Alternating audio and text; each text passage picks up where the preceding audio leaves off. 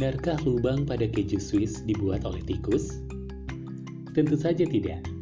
Lubang pada keju Swiss atau Emmental disebabkan oleh bakteri yang selama proses fermentasi mengubah susu menjadi keju. Dan bukan hanya lubang yang diciptakan oleh bakteri-bakteri itu, melainkan juga bentuk, warna, dan rasa yang khas. Semua keju memang mengandung bakteri yang membentuk asam laktat sehingga membuat susu menjadi padat dan dapat dimakan. Namun, tidak semua keju menggunakan bakteri yang sama.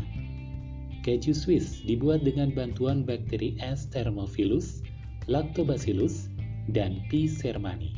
Nah, bakteri P. sermani itulah yang melepaskan karbon dioksida dan membentuk asam laktat serta gelembung-gelembung. Setelah gelembung pecah, terbentuklah kantong udara kecil atau lubang-lubang pada keju Swiss. Tahu kan kenapa ada lubang pada keju Swiss?